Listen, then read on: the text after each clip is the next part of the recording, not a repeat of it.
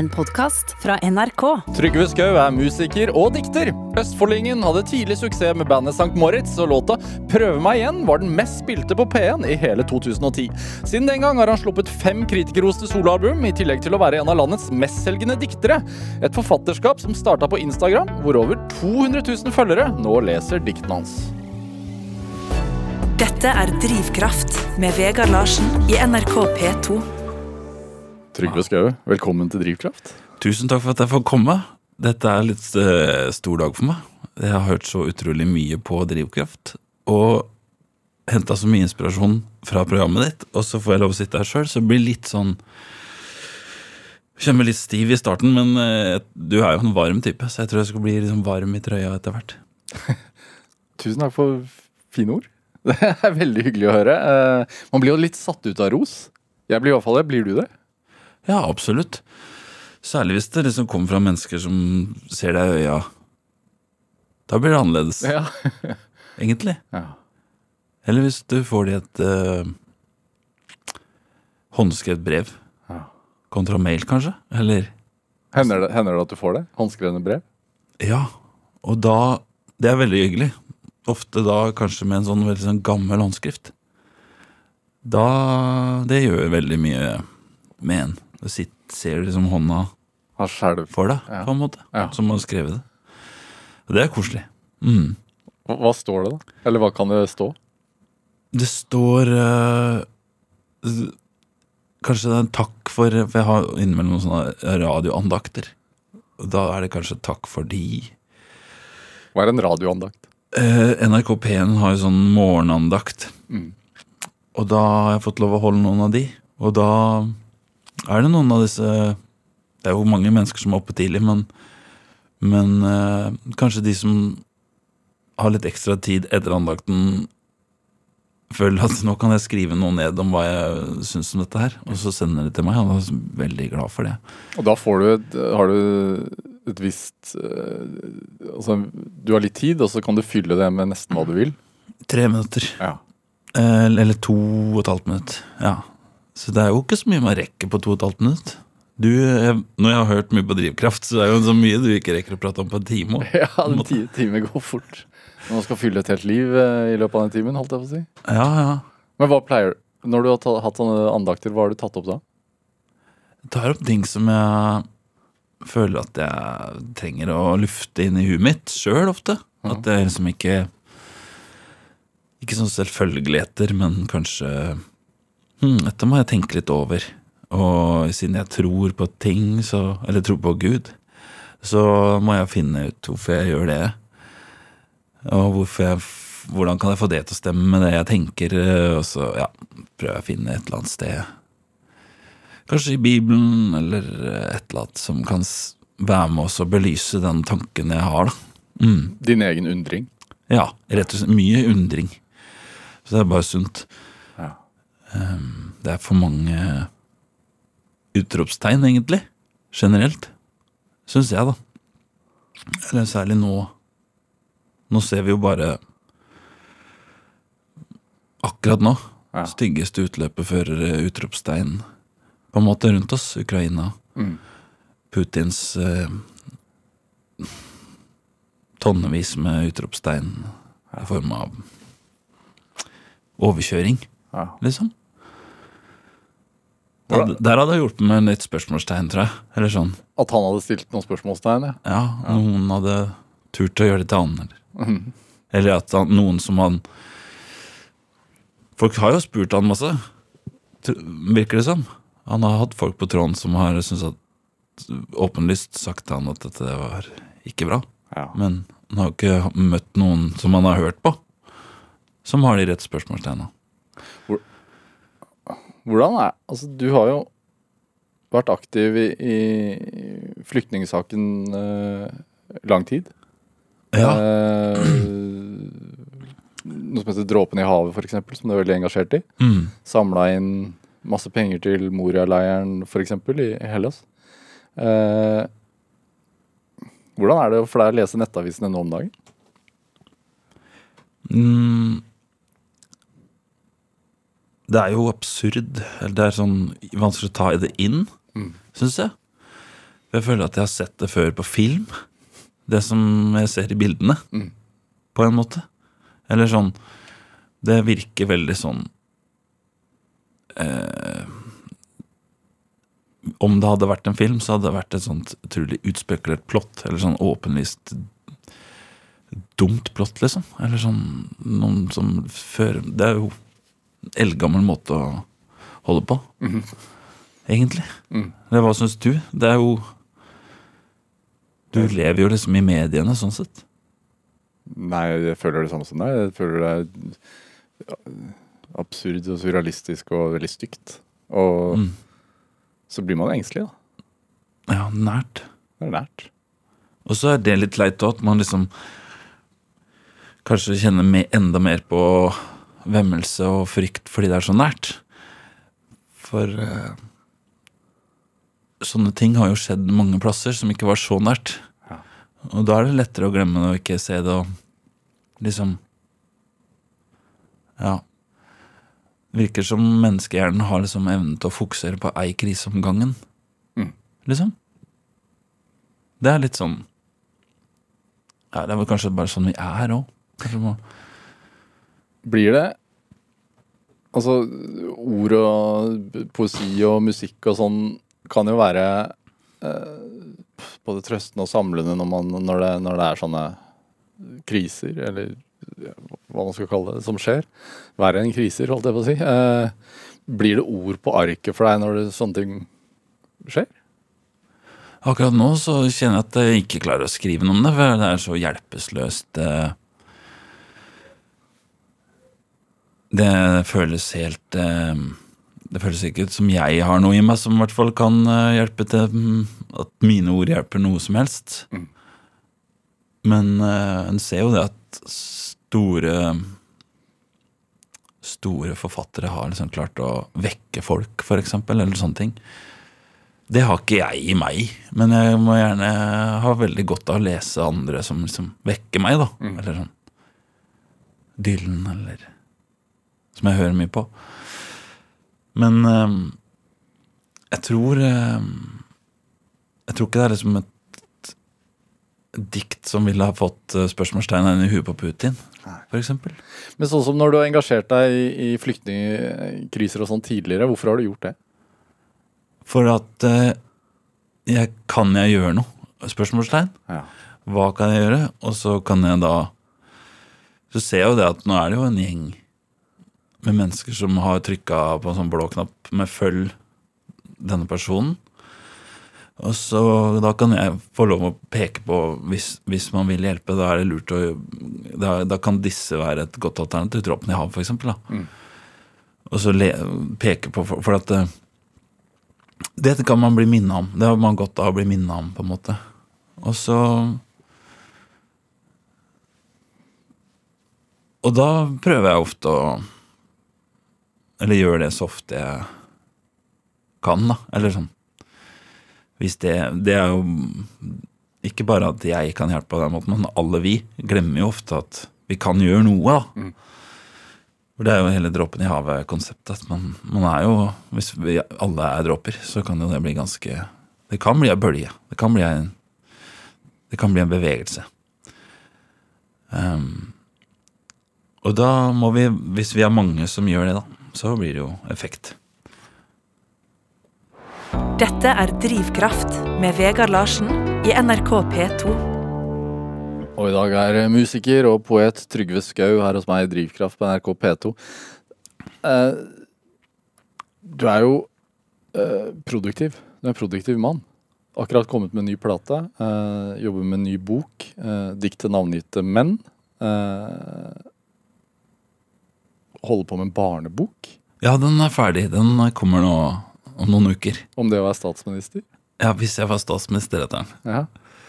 Som er eh, Det er jo Jeg vil ikke si han er helt blotta for politikken. Han er liksom litt sånn eh, Det er nok noen røde verdier der, så de som har ønske om at ikke barna skal tenke sånn, de, de må ikke kjøpe den til barna sine.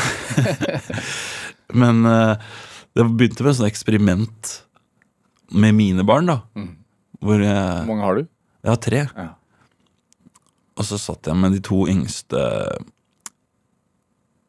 For han, han eldste hadde gått fra bordet ved middagen og ned og game, liksom. Og så satt vi og Og så spurte Eller hun, hun, hun midterste hadde fått med seg et eller annet om Trump.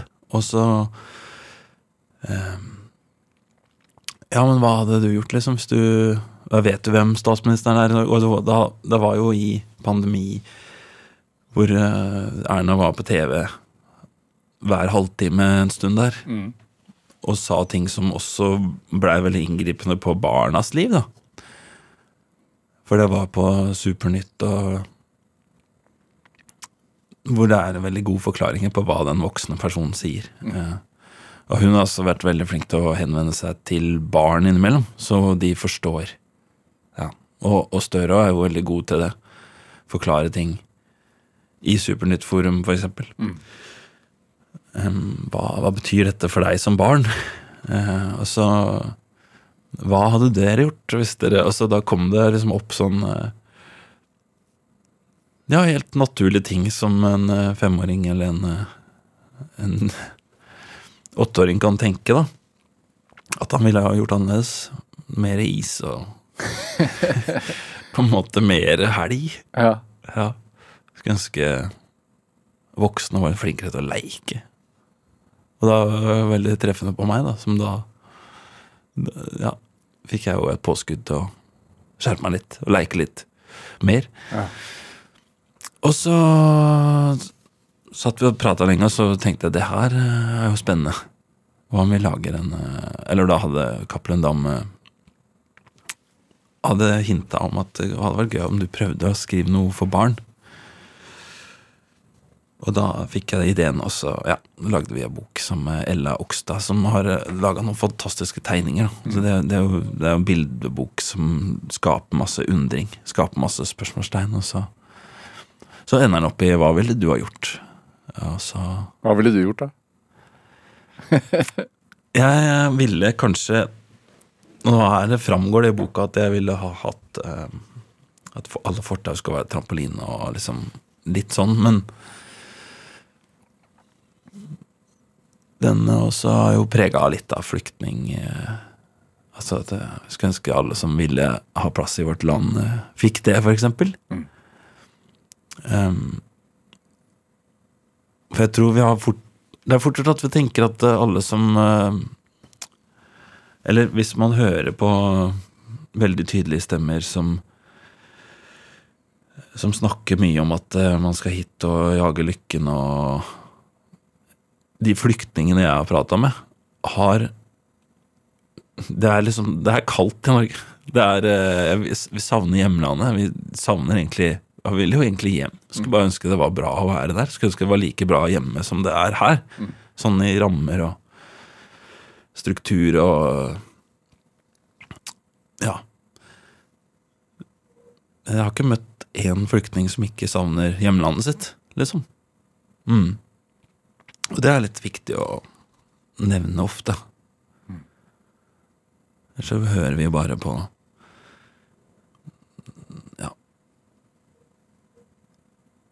Listhaug og gjengen som Men- mener noe annet.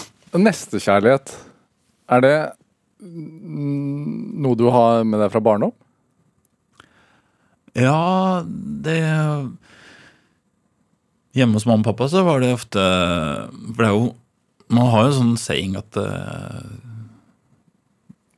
Vi sier jo ofte det, bare stikk innom, eller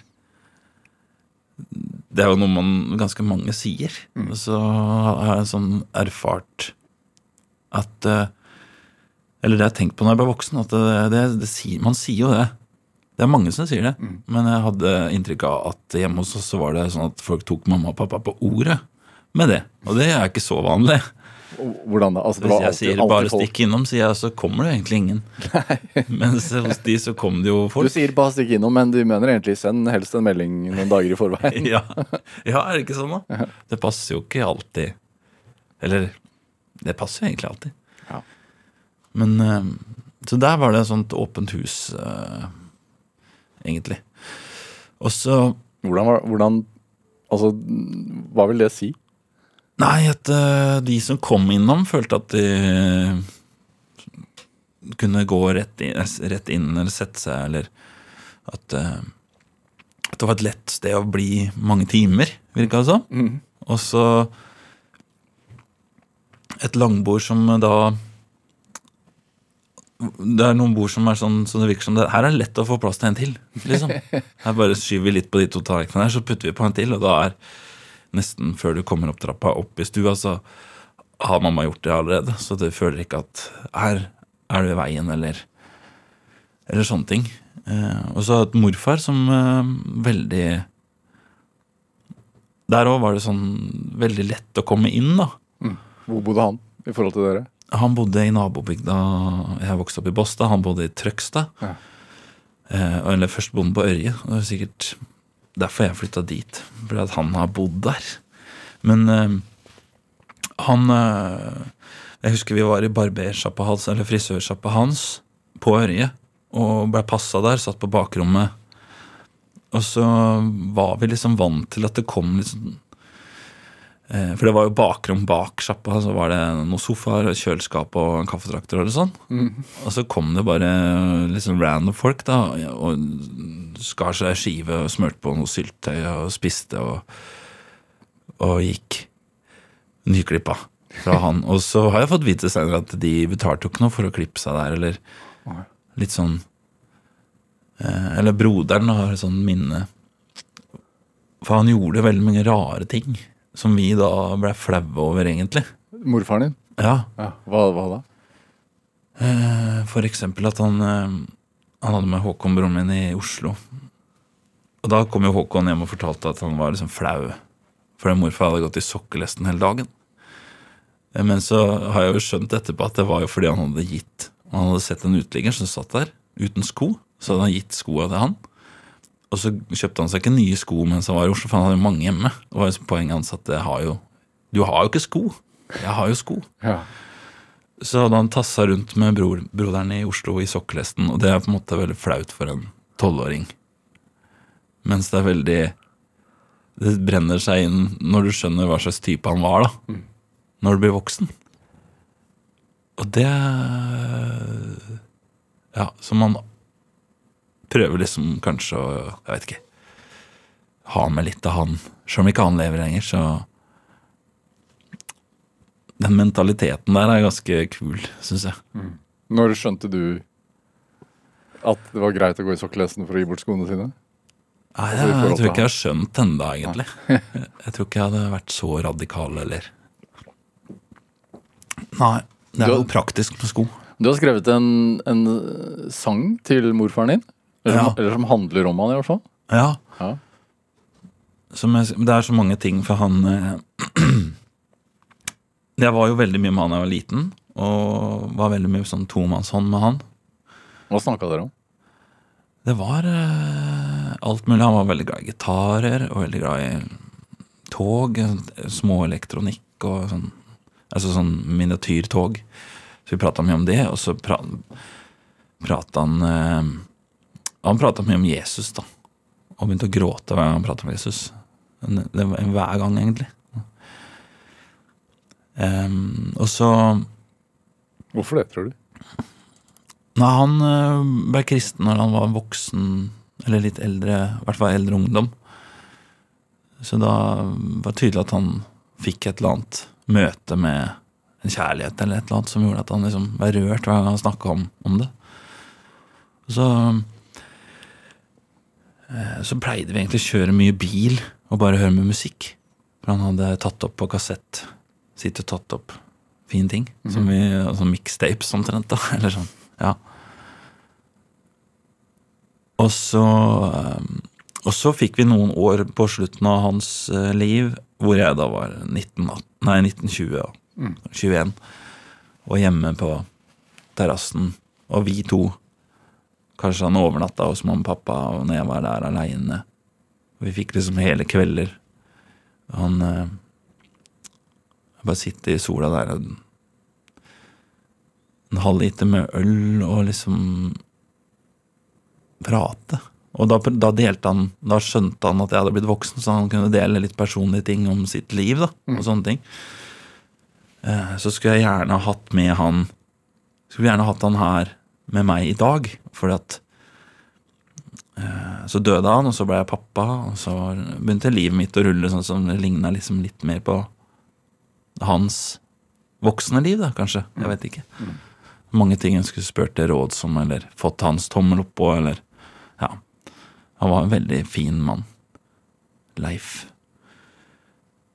Eh, Så den sangen handler vel litt om det at eh, jeg tror det hadde Bare han kunne vært med på tur, eksempel. Turné. Han hadde kost seg glugg. Vi, eller vi hadde kost oss glugg. Han kunne kjørt, han kunne Ja. Så mye fint, da. Ja. Skal vi høre sangen? Ja, gjerne. Ja. To av samme sort. Mm.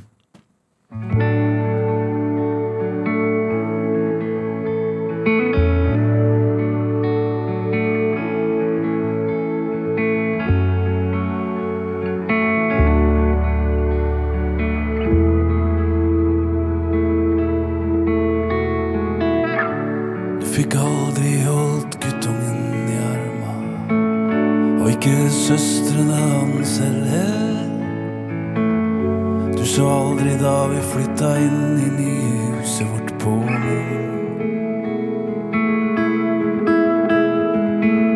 Du var ikke der da jeg gikk på på sentrum, eller på mine vondeste kvelder. Det er ganger da jeg kjenner at du ser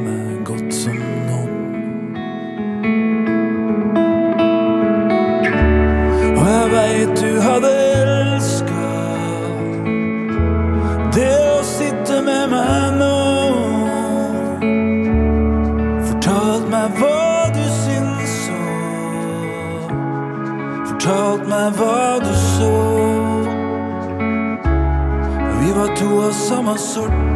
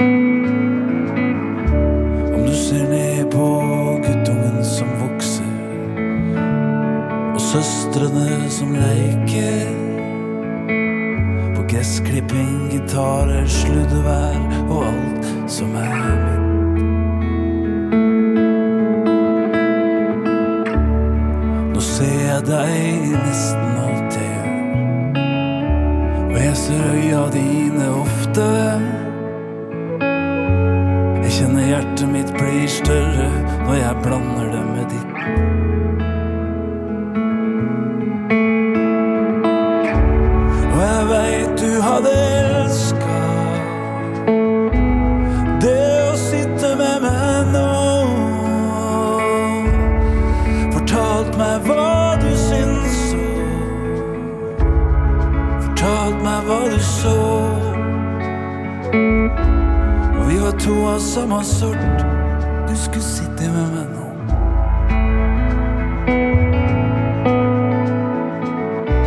Hvordan kan jeg få sendt opp til deg hvis det er noe du ser?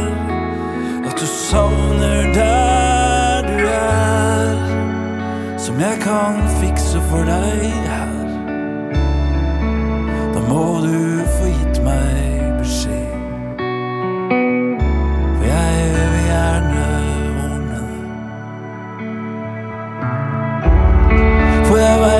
hadde elska det å sitte med meg nå.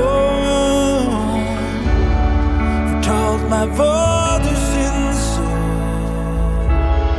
Fortalt meg hva du så. Vi var to av samme sort.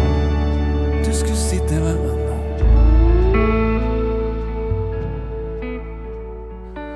du fikk eh, Trygve Skau med låta 'To av samme sort' eh, fra albumet 'Sanger du skal få når vi er vektløse'. En låt vi spiller her i Drivkraft på NRK P2 i dag fordi at Trygve Skau er dagens gjest her i Drivkraft. Album som Altså, det kom ut nå 12. februar. Terningkast seks i Dagbladet. Eh, anmelderen Øyvind Rønning skriver blant annet der at eh, at eh, driver og etablerer deg som en av våre største visepopkunstnere, Oi. skriver han i anmeldelsen. Eller nå sa jeg oi, jeg har jo lest anmeldelsen. Ja. Jeg synes det er absurd å høre likevel. En gang til. Hvor, hvor, hvor viktig er det for deg med, med ting som nostalgi og trøst? Mm. Jeg tror kanskje jeg er veldig glad i at eh, hvis jeg opplever noe fint, så, så har jeg lyst til å dele med noen. Mm. Sånn, sånn som det savna han, da, at jeg skulle, skulle ønske han var med på. Fikk se det her. Kanskje jeg kunne Kanskje vi kunne dratt dit sammen, eller liksom få sånne opplevelser sammen. Tar du med deg det inn i livet ditt nå? Altså sånn I forhold til det at du har barn selv, så blir jo du på en måte Dere er altså to av samme sort på et vis. Ja, absolutt. Og det er sånn øyeblikk. Så prøver jeg å lagre øyeblikk med de, da, for eksempel. Eller blitt flinkere på det nå at jeg Hvis vi har en fin dag, at vi tar et bilde. Ja. Og så kanskje til og med printer ut og henger det på kjøleskapet, sånn at eh, vi minnes på det øyeblikket som vi hadde da. Det var en fin dag, gitt. Og så kan vi snakke om det. Mm. For det Eller vi lagde sånne Litt sånn uoverkommelig prosjekt for min del å lage sånn fotobok eller album og sånn. Men så fant jeg en sånn app så bare smekke inn hele alt som var på filmrullen, og så fikk det, og så sitter vi og blar i det, og så husker dere Det er, sånn, det er jo nostalgien, Mm. men det er allikevel kanskje mer fokus på det øyeblikket. Og så skaper vi jo sånne øyeblikk nå, så da kan vi ta Lagrer vi de, ta med oss de, da. Mm.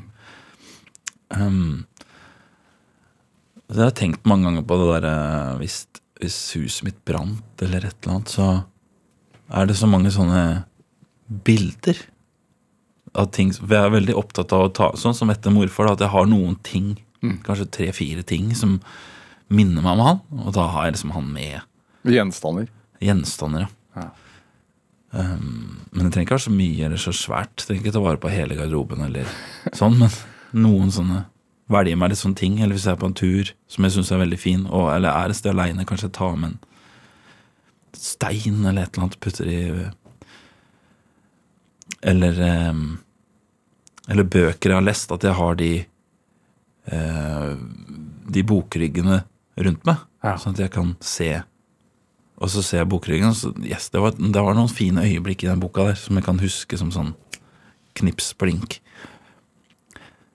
Og det, det er vel ikke kanskje ikke å leve i fortida, men du blir kanskje bevisst på at du får med de øyeblikkene en har hele tida, da. Ja. Så Er du flink til det? Å sette pris på ja, det tror jeg kanskje er eh, noe jeg er veldig opptatt av, i hvert fall. Mm. Få, følg med nå, liksom. Eller sånn. Og da øh, må man kanskje ta vekk noen ting som gjør at man ikke følger helt med, da. Ja, Som for eksempel? Eh, At eh, vi har brukt veldig mye tid på å svare folk i innboks, eksempel, eller um, vært mye på internett, scrolletid, og, og det, det, gir, det gir ingen sånne øyeblikk med mine barn som jeg kommer til å huske. At da satt jeg og jeg scrolla, det var fint den kvelden. Altså. Når jeg satt og scrolla, og dere gjorde det, eller Ja. Men jeg får det jo med meg hvis jeg Ja. Så er du sånn flink på øyeblikk? Du virker som en rolig mann. Få med deg livet. Ja, man kan alltid bli bedre. Man kan alltid legge, klare å legge bort mobilen. Kan man ikke det? Ja. Men det er jo lurt å ha den der hvis du skal ta bilde av noe, da. Ja. Og så er det smart å sette det inn i et album, eller lage et sånt fotoalbum. Fordi på mobilen så har man jo 5000 bilder, og så ser man jo ikke så ofte på de. Nei. Men er det i forhold til best, altså morfaren din og, og, og oppvekststedet og sånn altså, Du er jo fra Indre, som det heter? Ja. Ja. Og du er fra Ytre. Jeg er fra Ytre, jeg er fra Sarpsborg. Mm. Ja. Men, men er, det Trøgstad du vokste opp, eller hva? Ja. Ja. Vokste opp i Trøgstad. I Båstad i Trøgstad. Mm. ja. Som er ei lita bygd som kan minne om eh, Hvis du har sett Rådebank-serien. Det er veldig Jeg føler meg veldig sånn hjemme i den serien. I En bensinstasjon. Ja, en bensinstasjon, en butikk, en, uh, stripe, kanskje. kanskje. Ja. Og så Nei, det stedet litt større enn Båstad, det som er på Rådebank, men uh, ja, litt sånn. Og så har jeg veldig Har hatt hang til å ha litt av det samme i livet, eller la unga mine vokse opp på et sted som ligner litt. Så jeg bare bo- bor jo nå i nabobygda, som heter Ørje, da. Hvorfor, det? Det var litt eh, var kanskje litt godt å komme til et sted hvor det var veldig, veldig likt, men allikevel altså, Det er samme folka, det er bare nye fjes, på en måte. Ja. Eller sånn, som ikke kjenner deg fra du er bitte liten, men som du kan bli kjent med nå. Mm. Så um, jeg har prøvd å bo i byer og sånt, da, men jeg syns det er liksom Jeg liker det. Jeg liker å ha det sånn som jeg har det. I lille Ørje. Men du, du sa det at du, døra alltid sto åpen hjemme hos dere, at det var folk der eh, hele tiden. Eh, men Ja, det var ikke folk hele tida, men det var liksom veldig sånn Jeg tror de som kom, opplevde at døra var åpen, liksom. Ja. mm, hva, hva gjorde moren og faren din da, da du kom til verden? Um, mamma, eller pappa jobba i Oslo, pendla mange timer av sitt liv. Og er veldig flink til å sove i svinger, eksempel. I bil. Hvis han sitter på, så dupper han deg hvis du svinger. Det er Mye på buss. Og min mor eh, jobba, jobba i barnehage, jobba i Posten. Og så hun utdanna seg når hun ble en voksen dame. Og så vokste jeg opp med å ha en sånn Istedenfor å være i barnehage ganske mange år, hvor mamma jobba, så hadde vi gode venner av familien som da har en gutt som heter Halvard, som var tre, tre uker yngre enn meg. Og hans far var sånn økologisk eh, bonde og gartner og selvstendig næringsdrivende og sånt, så han, han, eh, vi var der, da. Mm. Som dagpappa, på en måte. Halvard og jeg fløy rundt der og leka på en gård, og så jobba han, og så var vi med han litt ut på oppdrag. og Sånn hver dag. Og så, når mamma henta meg, så Så hadde han kanskje bakt brød til oss, eller Han var en sånn lun, fin mann. Tormod. Mm. Så det var en veldig fin oppvekst, sånn å fly rundt der med Halvard på den gården. Mm. Katter og Ja, det føltes veldig fritt, da. Mm. Sauer og Geit var det på et tidspunkt der. Ja. Eh, og et uh, tronehjem. Ja, jeg har vokst opp i et troende hjem som eh, Indremisjon, eller? Nei, egentlig vi gikk i statskirka Ja. annenhver søndag. Da var det var gudstjenester i Båstad. Og så Halvard hadde jo samme rammene på sitt liv. At han hadde foreldre som gikk i statskirka. Så vi var sammen der òg. Fikk være i fred på galleriet og fikk en ekstra Jeg husker bestemor hans pleide å gi oss en ekstra after eight. Som vi, hvis vi hadde vært stille til over talen, så fikk vi ta den. liksom. Så kunne vi sitte der og spille kort og ha det hyggelig oppe på galleriet. Mm. Um, Hva tror du det er egentlig sånn Det at du For da Du var i kirken hver søndag? Eller var det ja, annenhver søndag. Ja. Mm. Og fått med deg en del prekener, da. Uh, ubevisst. Ja, mens du driver med noe annet, egentlig. Ja. Bare, ja. tror du det har påvirka deg? ja, det tror jeg. Ja. Det tror jeg er veldig For man eh, sitter og hører på en måte tekst. Enten det er salmetekst eller det er eh, prekentekst eller liturgi eller Du får med deg mye fint Mm. hver eh, Og så kanskje stoppe opp litt, og hva var det han sa? Det var en setning. Og så fortsette med det du gjør, liksom. Så det var ikke sånn intens lytting, men det var sånn intravenøs. Og så hjemmet er jo da prega av eh, mamma og pappa, mye spørsmålstegn. Ved, det er aldri noen sånn utropstegn 'dette er det rette', eller Nei. Eller veldig åpent, da. Det har vært godt. Så jeg har ikke Jeg føler ikke at jeg som voksen har liksom måttet ta noe oppgjør med noe barnelærdom, sånn sett. Det er jo veldig godt. Og han morfaren da, som bare var en åpen mann. Ja. Hvordan, hvordan var du som barn, da? Ehm, jeg var eh, Var jo en del for meg sjøl. Ja. Ja. Fikk liksom Selvvalgt, eller? Ja, det var jo eh, Det var jo selvvalgt, egentlig. Kunne gå liksom litt inn. Vi hadde sånn litt stort hus, så det var liksom mulig å henge seg på de andre hvis du ville det, eller trekke deg tilbake på rommet ditt. Og så var det stort sett Vokste opp med tre etasjer hvor det var ett instrument i hver etasje. Og da jeg har tre eldre søsken som da holdt på med de instrumentene mye. Så hvis det var ledig, så hørte du kanskje at nå er det ingen som spiller på piano. Så da kunne du liksom smette opp der og spille litt. Eller nå er det ledig på gitaren, så da tar du den, eller ja. Ja, foreldrene musikalske? Ja, min pappa synger veldig fint, spiller fint piano. Mamma synger fint og spiller gitar. Sånn eh, Litt sånn til allsang. Gjorde det i hvert fall. Ja. Når sang de og spilte de hjemme hos dere, da? Pappa Det var jo da ganske mye opptatt på de tre instrumentene vi hadde. Så vi var fire stykker om de allerede. Men pappa hadde søndag morgen. Ja, Som sånn, eh, Da satt han og spilte liksom klassiske stykker, så vi våkna ofte til det.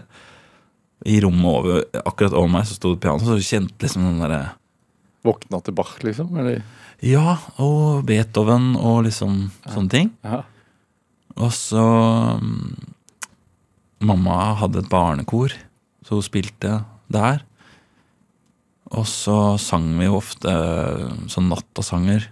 At vi satt Gjerne i helgene, da var det samla vi oss, og så sang vi de sammen. Før, vi la, før jeg gikk og la meg. da. Før man var først i seng.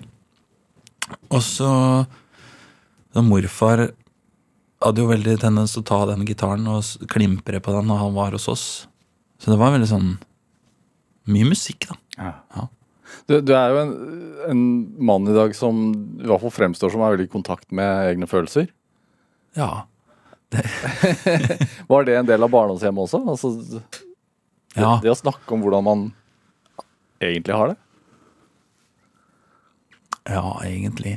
Mamma var veldig sånn flink til å se. Og pappa også. Pappa prata kanskje ikke så mye, men uh, du så det på blikket hans at han skjønte det, på en måte. Eh, mamma prater jo mye mer enn han. Så da har hun prata mye med oss. Og fått lufta ting. Mm. Det har vært deilig. Noe enda mer i dag enn da, kanskje. Men Men fant du deg til, altså det med musikken og sånn, fant du deg til rette i Trøgstad med det? Altså Var det mye band og Ja, jeg fikk tidlig mulighet til å være med Begynte å spille i kor da jeg var liten. For og så var det en veldig flink musikklærer. På, jeg hadde én musikklærer på barneskolen. Som da, Han var også i kirkelig sammenheng, så han tok med meg inn der, og jeg fikk spille bass på litt sånn gudstjenester eller til kor eller sånn. Og så hadde jeg en musikklærer på ungdomsskolen som var veldig sånn Shadows eh, fyr. Som elska Creedence og, og sånt, som lærte meg mye av det. Og så var det et sånt bygdeband som sånn, Ikke dans, eller sånn gammel rockband, på en måte. Hvor det var en bassist som hadde knekt en arm før et bryllup, og da var jeg 14 år. Og så hadde de fått tips om at jeg Du kan han, spørre han. Trygve? Ja, Ja, 14-åringen. ja. Ja. Så jeg fikk liksom første sånn oppdagelse av live eh, Så jeg husker de kom og henta meg, og så lovte liksom ja, vokalisten Mamma, jeg skal ta med hjem, han skal ikke drikke, han skal ikke Det var skikkelig sånn bygdefest inn på en låve. Ja. Og så fikk jeg kom meg hjem klokka halv fem på morgenen. Fikk 200 kroner. Og så Yes! Det var det beste kvelden i mitt liv til da, tror jeg. Ja. Så det Så fikk jeg være med de litt. Og de var sånn ordentlig sånn Det var sånn bandbil, sånn svær amerikaner og ja, rigge opp og liksom En, to, tre. Skikkelig stas. Så drev jeg mye med band nå. Så det var liksom ikke, Og så var det deilig at ikke mamma og pappa var noe stressa for at det var At jeg var med på fest på en måte på den måten. Nei. Nei. Så det er trygt, Ja. det òg.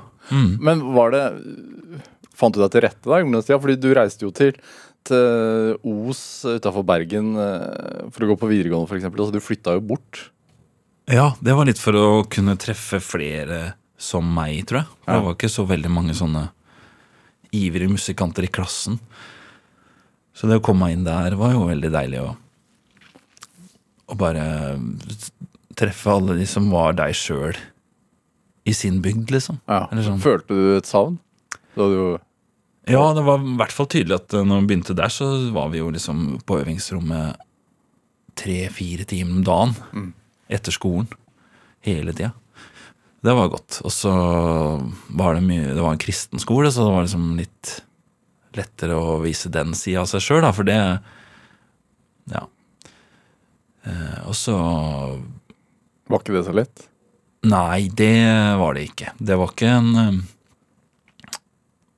Det blitt, var jo tidlig på barneskolen at den ble mye herja fordi den var veldig stor av vekst. Kraftig. Bygd og kristen. Pluss at du eh, spilte korps i tillegg. og klassisk piano. Det er liksom dumme ting, vet du. Ja. Var, ikke, var ikke best på fotballbanen. Nei, på ingen måte. Men jeg fikk eh, Ja, fikk være med på det òg, da. Absolutt.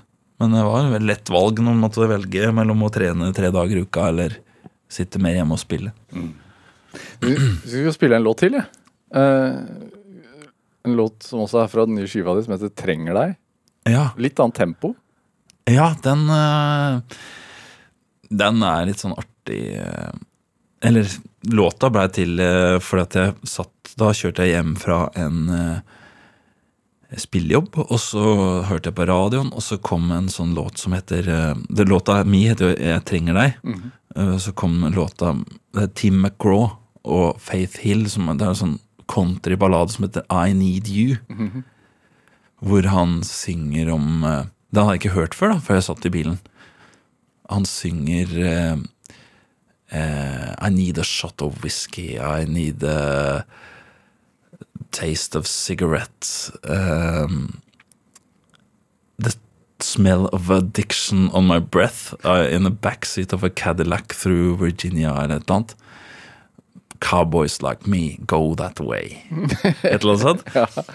Og så, som er litt sånn røff, eh, veldig ikke Ikke mitt liv akkurat da jeg kjørte hjem, kjente jeg. Den der cowboyfølelsen. Men uh, whisky og sigarett er jo, har jo uh, kost meg mye med.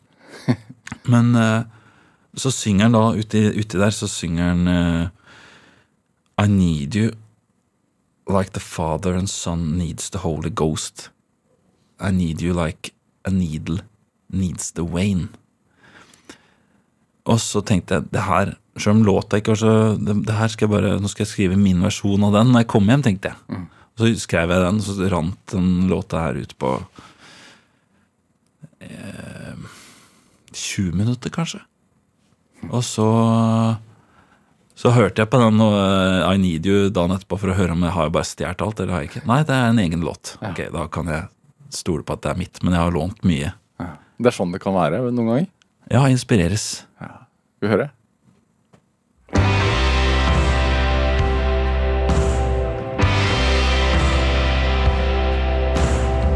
Jeg trenger det som avgrunn trenger en himmel. Som far og sønn trenger Den hellige ånd.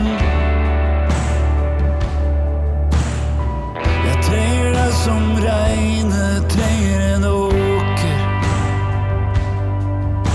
Som nagla på veien i treet trenger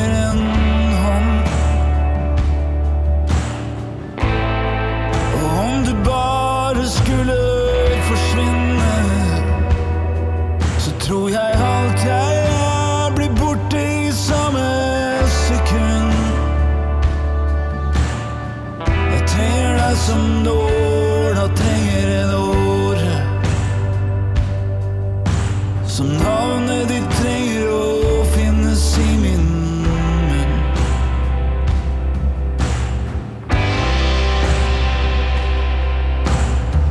Jeg trenger deg som helvete trenger en mening. Som Judas siste natt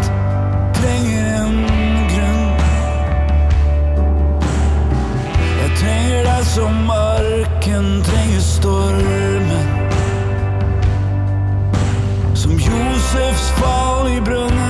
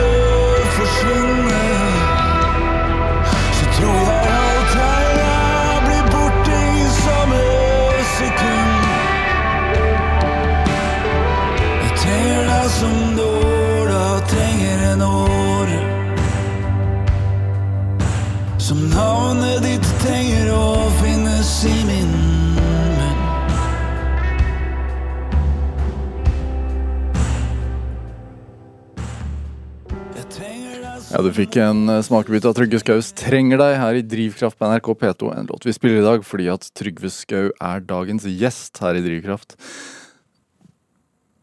Altså når man Du spilte jo St. Morris eh, før du ble soloartist, og, og, og hadde jo suksess med det. Hva, hva det som, var det som fikk deg til å begynne å skrive dikt? Det var kanskje at eh, Eller jeg drev med dikt fra jeg var på ungdomsskolen, kanskje. Skrev ned Og hadde en sånn svart bok som jeg skrev i på videregående, som ikke viste til så veldig mange. Hva skrev du der? Det var liksom korte dikt, mye rim, kanskje litt humoristiske ting. Kanskje veldig forelska ting. Um, på norsk. Og så Ja. Så var det en lærer, også en god lærer på videregående, en norsklærer, som fanga opp Eller har hatt noen gode norsklærere opp igjennom som syntes at jeg burde drive med litt mer skriving. Så det altså å bli pusha på det var jo veldig fint. Men eh, Hva ser du etter når du Altså Hva er det som får deg til å sette det ned på papir eller å publisere det på nett? mm, hvis jeg ser noen bilder som jeg syns er veldig fine, og så prøver jeg å gjøre de til mine. Så det er kanskje litt sånn Litt sånn ref den låta du hørte nå, at jeg hørte noen andre sine bilder, og så utvikla jeg de. Sånn føler jeg at jeg skriver, for jeg, jeg finner sjelden opp kruttet sjøl. Sånn sett. Men jeg kanskje prøver å se det på min måte, det som de andre så. Som igjen gjør at uh, eh, Det blir øyeblikksbasert òg, da. Og så blir det kanskje ikke noe som står i 100 år, men det blir eh, noen øyeblikk. Hvorfor tror du ikke det står i 100 år? Nei, det er ikke, det er ikke bra nok til det, liksom. Syns jeg. Men jeg er glad for å lage noen øyeblikk, hvis jeg kan det, for noen her og nå. Og så Og det er litt det man gjør når man spiller konsert òg, da. At man liksom lager noen øyeblikk. Og det trengs jo ikke Det trengs jo kanskje ikke mer ting mellom permer nødvendigvis alltid, eller eh, Spotify har jo mange låter fra før. Men når en er på eksempel på Geilo en lørdagskveld, så er det bare jeg som spiller der. Så da er jo på en måte ikke, tar ikke opp noens plass hvis den er der da. Eller eh, Så er det trygt at på Instagram så er det lov å trykke avfølg. Men man er ikke i veien. Man velger sjæl. Ja. Hvor mange kopper har du solgt? Jeg har ikke peiling, egentlig. Nei. Det også ble litt sånn øyeblikksgreie. For det var noen som lagde sånne kopper, da, sånne søgne, som spurte om de kunne putte på noe dikt. Og så Ja, det tror jeg ikke kommer til å Eller var litt åpen om at jeg veit ikke om det er noe Det får bli opp til dere, Ja. liksom. Og så har det blitt mange av de. Har du noe anelse? Nei, jeg vet det. Nei, jeg har ikke noe anelse. Jeg har ikke fulgt med helt på det der. Nei. Men um, det er jo mange som har noen sånne hjemme. Hvilken tematikk er det som ofte går igjen? På de koppa er det liksom Ja, på poesien din generelt. Ja, det er liksom Der blir det Instagram og sånne kopper og alt det der, så er det liksom behov for å være litt kort, litt uh, direkte, litt sånn Ja, øyeblikksfange, uh, et eller annet glimt. Som for eksempel. Um, jeg har i hvert fall lyst til at den lager ikke skal bli noe mørkere. Eller eh, at noens dag ikke skal bli litt dårligere av å lese noe, eller kjipere av, av å lese noe som jeg har laga. Eller høre noe. Så det er vel litt sånn Det er prega av, sterkt prega av lys og takknemlighet og litt sånn Det jeg opplever som sunne verdier å ha med, eller jeg vet ikke. Sånn at det er sunt for meg i hvert fall å se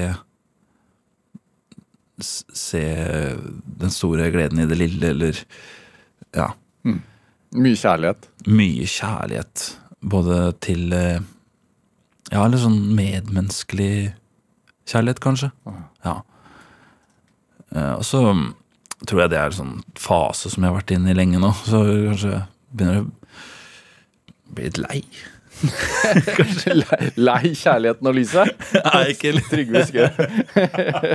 Fra nå er det bare mørke.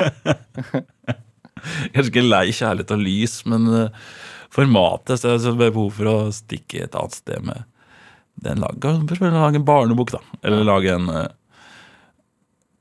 diktsamling med lange, lange dikt. Ja, for du skriver jo dikt til faktisk enkeltpersoner også, noen ganger. Ja, det har jeg prøvd på nå. Ja. Men uh, gir meg sjøl en utfordring til å sette ord på de vennskapa jeg har, eller forholdet til en del eh, karer som jeg har blitt kjent med. Menn jeg er glad i, som er prosjektet, da. For jeg er så dårlig til å si det direkte til dem. Og da ble det veldig for kort med sånne trelinjers uh, Du er kul.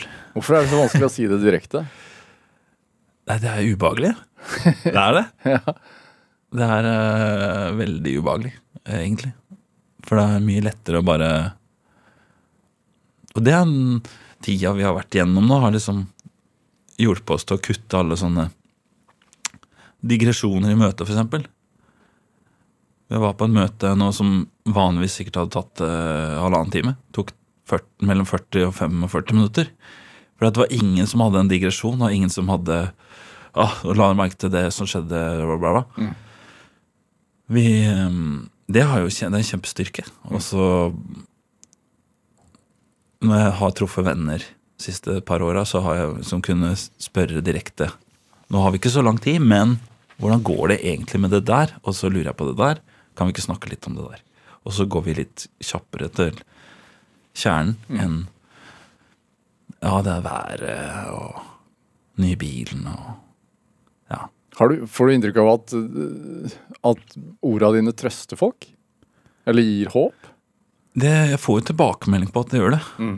Det er jeg veldig, veldig takknemlig for at det gjør. Og da er jo det en grunn til å ikke gi seg med det, liksom.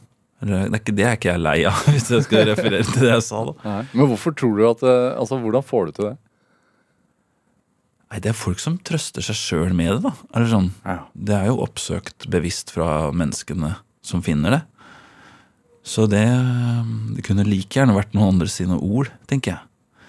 Men da er det jo flaks at uh, vi er en gjeng som har ord ute, da. Så kan man ha mer å leite i, eller Hvor søker du da, hvis du trenger det?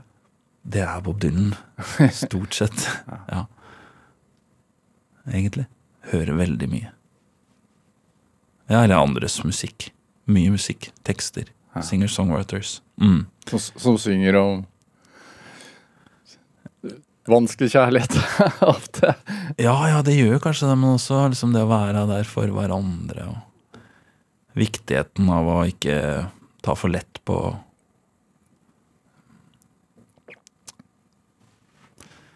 Ta for lett på um, de øyeblikkene, kanskje. Hva er Hva er det som driver deg? Jeg hører jo nå i løpet av den timen at det er mye øyeblikk. Ja. Ja. Få være med på, oppleve øyeblikk. Se på øyeblikka, ta de med. Eh, kanskje også beskrive de med ord. Og så verdsette de, alle de øyeblikka som gjør at de dagene uten så mange sånne store øyeblikk, så har jeg noen øyeblikk å glede meg til, eller jeg har noen øyeblikk å glede meg over som har vært. Og da kan jeg sitte der og få et øyeblikk av at jeg er takknemlig, da. Mm. Kanskje. Må du ha ro rundt deg for å føle på det? Nei, den kan man skape litt sjøl, den roen, tror jeg. For den skjer automatisk hvis du zoomer ut litt og ser livet utafra akkurat nå. Så ser man at her var det et øyeblikk. Og da blir det en slags ro i det. Takknemlighet og mm. Problemet blir kanskje bagateller også, hvis man zoomer litt ut. Ja, det er sant. Ut der man er vektløs, Er det det, kanskje. ja. er det det som er tanken bak navnet på skiva også? Ja, du får liksom litt perspektiv når du er i verdensrommet, da. Sånn utafra. Trygve Skau, en time går fort. Takk for at jeg fikk komme. Tusen takk for at du kom til Drivkraft. Hør eh, flere samtaler i Drivkraft på nrk.no eller i appen NRK Radio. Send oss gjerne ris og ros og tips til mennesker du mener har drivkraft. Send den e-posten til drivkraft, krøllalfa, nrk.no. Vi hører gjerne fra deg. Produsent i dag var Heidi Andersen. Tobias Brynildsbakken Huse gjorde research, og Anne Sofie Stang bidro også til denne sendingen. Dette var Drivkraft. Jeg heter Vegard Larsen. Vi høres. Du har hørt en podkast fra NRK. Hør flere podkaster og din NRK-kanal i appen NRK Radio.